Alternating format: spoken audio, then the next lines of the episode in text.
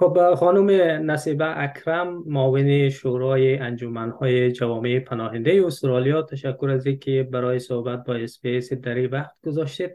در ابتدا می‌خوایم در مورد این شورا از شما پرسان کنم و اینکه این شورا چگونه نهاد است و چه فعالیت هایی دارد.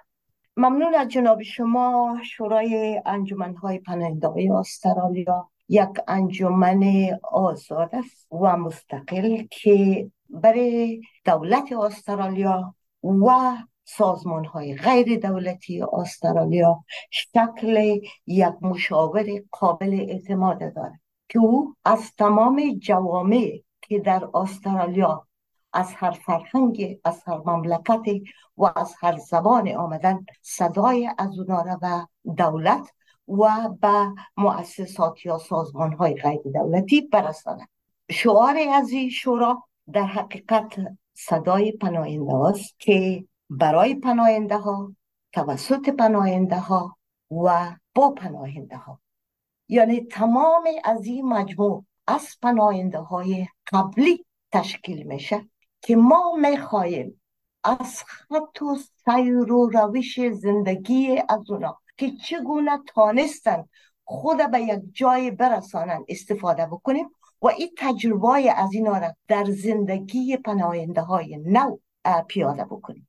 فلحاظا این انجمن یک ساختار مطلق نوست و ما پناهنده ها می‌خواهیم برای این کشور بگوییم که ما خود کفاش شده امروز.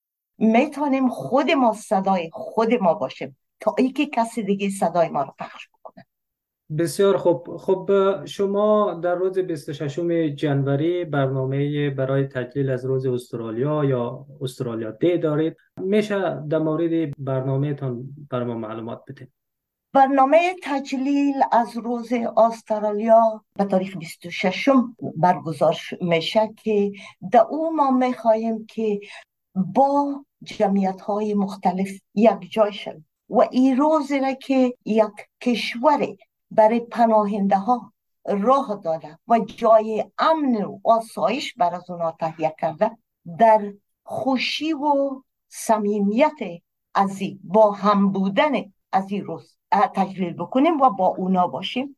متوجه از این حاصل هستیم که بنیاد و روح از این روز سه کلمه می سازد که او برداشت از گذشته است احترام به اعضای جامعه است. و تجلیل از یک جامعه چند فرهنگی.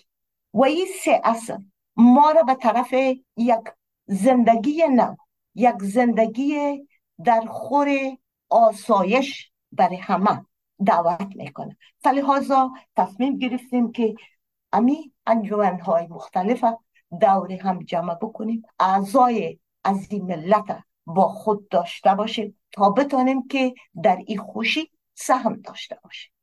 بسیار خوب. میشه بپرسم در این مراسم یا در این برنامه چه چیزهایی را ترتیب دادین؟ مثلا سخنرانی است موسیقی است چه, چه چیزهایی است؟ از طرف نماینده های دولت اعضای پارلمان برد خود رکه و هم انجمنایی که همکاری می‌کنن در این روز با ما با ما خواهد بودن ما نمایشات خواد داشتیم. یا سرگرمی بگوییم تا نمایش که از فرهنگ هر کشور در او سهم خواد بود. بسیار جالب است که ما مثلا موسیقی وطنی خود وطن قبلی خود افغانستان خود بشنویم از سرزمین هند چیزی با خود داشته باشیم از سرزمین افریقا نمایشی با خود داشته باشیم که بتانیم که برای این ملت که از چندین فرهنگ ساخته شده ولی امروز یک وحدت دارد. فلحاظ یک شناخت هم باید باشه که این شناخت این جامعه را با هم پیوند میده و این پیوند محبت و همکاری و همزیستی مسالمت آمیز ایجاد می‌کنه بسیار خوب. خب شما حتما از جنجال هایی که پیرامون 26 جنوری و روز استرالیا وجود داره از اونا آگاه هستید؟ نظر شخصی خود شما در مورد جنجال ها چیست؟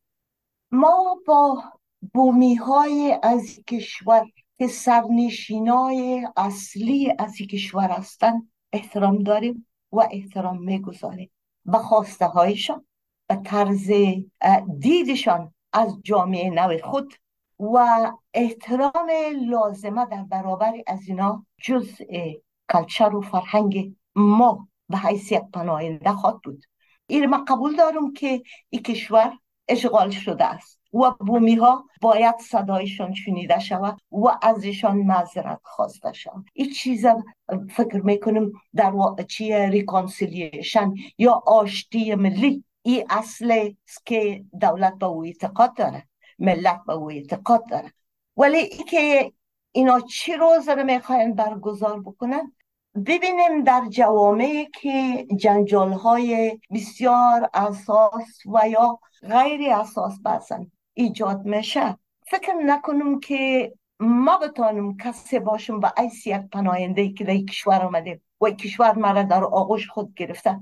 ما جنجال دیگه برپا بکنم اگر روش و سوال همزیستی مسالمت آمیز است. چی خوب است که با معذرتی از بومی ها و شنیدن صدایشان با توافقی که دولت با اینا می‌کنه ما هم همراه باشیم.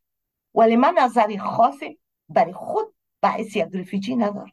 ما آمدیم در این کشور و راه خودم از جنگ به سوی آرامش می‌برم ما جنگ دیگه در اینجا ایجاد نمی‌خوایم بکنیم.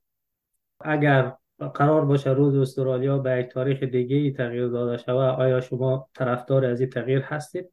ما بر راه ملت و راه مردم بومی احترام خواد گذاشتم ولی نظر شخصی از خود در او ندارم که اضافه بکنم. راه عام راه ما هم خود بسیار خوب. خانم اکرم یک بار دیگه تشکر. لطف کردین شما.